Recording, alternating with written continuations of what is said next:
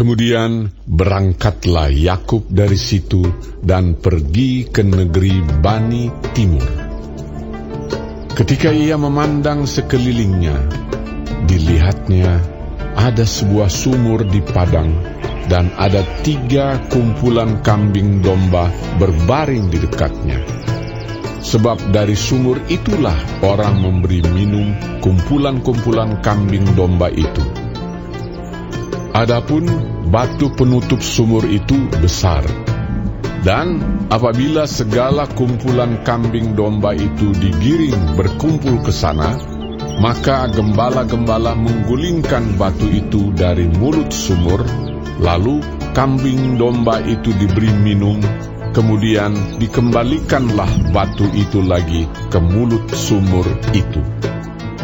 Bertanyalah Yakub kepada mereka, Saudara-saudara, dari manakah kamu ini? Jawab mereka, Kami ini dari Haran. lagi katanya kepada mereka, Kenalkah kamu Laban? Cucu Nahor? jawab mereka, Kami kenal. selanjutnya katanya kepada mereka, Selamatkah ia? jawab mereka, Selamat. Tetapi lihat, itu datang anaknya perempuan, Rahel, dengan kambing dombanya. lalu kata Yakub, Hari masih siang. Belum waktunya untuk mengumpulkan ternak. Berilah minum kambing dombamu itu. Kemudian pergilah menggembalakannya lagi. tetapi jawab mereka, Kami tidak dapat melakukan itu selama segala kumpulan binatang itu belum berkumpul. Barulah batu itu digulingkan dari mulut sumur, dan kami memberi minum kambing domba kami. Selagi ia berkata-kata dengan mereka, datanglah Rahel dengan kambing domba ayahnya, sebab dialah yang menggembalakannya. Ketika Yakub melihat Rahel, anak Laban saudara ibunya, serta kambing domba Laban, ia datang mendekat, lalu menggulingkan batu itu dari mulut sumur dan memberi minum kambing domba itu. Kemudian Yakub mencium Rahel serta menangis dengan suara keras. Lalu Yakub menceritakan kepada Rahel bahwa ia sanak saudara ayah Rahel dan anak Ribka. Maka berlarilah Rahel menceritakannya kepada ayahnya.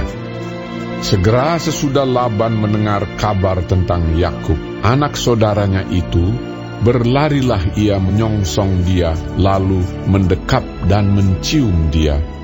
Kemudian membawanya ke rumahnya. Maka Yakub menceritakan segala hal ikhwalnya kepada Laban. Kata Laban kepadanya, Sesungguhnya engkau saudara sedaging dengan aku. Maka tinggallah Yakub padanya genap sebulan lamanya. Kemudian berkatalah Laban kepada Yakub, Masakah karena engkau adalah sanak saudaraku, engkau bekerja padaku dengan cuma-cuma? Katakanlah kepadaku apa yang patut menjadi upahmu. Laban mempunyai dua anak perempuan yang lebih tua namanya Lea dan yang lebih muda namanya Rahel. Lea tidak berseri matanya, tetapi Rahel itu elok sikapnya dan cantik parasnya. Yakub cinta kepada Rahel, sebab itu ia berkata, Aku mau bekerja padamu tujuh tahun lamanya untuk mendapat Rahel, anakmu yang lebih muda itu. Sahut Laban, Lebih baiklah ia kuberikan kepadamu daripada kepada orang lain. Maka tinggallah padaku. Jadi bekerjalah Yakub tujuh tahun lamanya untuk mendapat Rahel itu. Tetapi yang tujuh tahun itu dianggapnya seperti beberapa hari saja karena cintanya kepada Rahel. Sesudah itu berkatalah Yakub kepada Laban, Berikanlah kepadaku bakal istriku itu. Sebab jangka waktuku telah genap. Supaya aku akan kawin dengan dia. Lalu Laban mengundang semua orang di tempat itu dan mengadakan perjamuan. Tetapi pada waktu malam diambilnyalah Lea, anaknya, lalu dibawanya kepada Yakub. Maka Yakub pun menghampiri dia. Lagi pula Laban memberikan Zilpa, budaknya perempuan, kepada Lea, anaknya itu menjadi budaknya. Tetapi pada waktu pagi tampaklah bahwa itu Lea. Lalu berkatalah Yakub kepada Laban, Apakah yang kau perbuat terhadap aku ini? Bukankah untuk mendapat Rahel aku bekerja padamu? Mengapa engkau menipu aku? Jawab Laban, Tidak biasa orang berbuat demikian di tempat kami ini. Mengawinkan adiknya lebih dahulu daripada kakaknya. Kenapilah dahulu tujuh hari perkawinanmu dengan anakku ini. Kemudian anakku yang lain pun akan diberikan kepadamu sebagai upah. Asal engkau bekerja pula padaku tujuh tahun lagi. Maka Yakub berbuat demikian. Ia menggenapi ketujuh hari perkawinannya dengan Lea. Kemudian Laban memberikan kepadanya Rahel anaknya itu menjadi istrinya. Lagi pula Laban memberikan Bilha budaknya perempuan kepada Rahel anaknya itu menjadi budaknya. Yakub menghampiri Rahel juga, malah ia lebih cinta kepada Rahel daripada kepada Lea. Demikianlah ia bekerja pula pada Laban tujuh tahun lagi.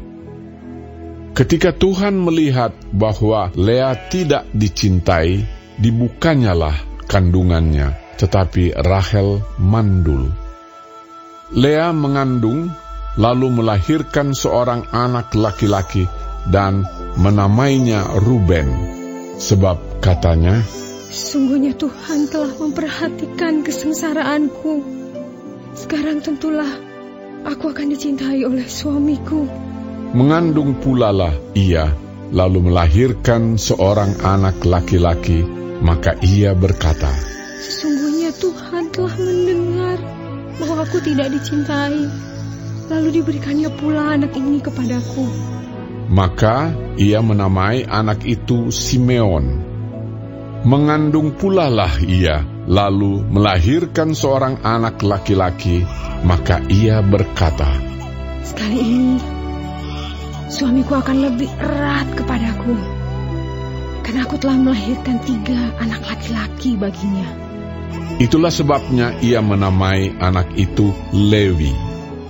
Mengandung pula lah ia, lalu melahirkan seorang anak laki-laki, maka ia berkata, Sekali ini aku akan bersyukur kepada Tuhan. Itulah sebabnya ia menamai anak itu Yehuda. Sesudah itu ia tidak melahirkan lagi.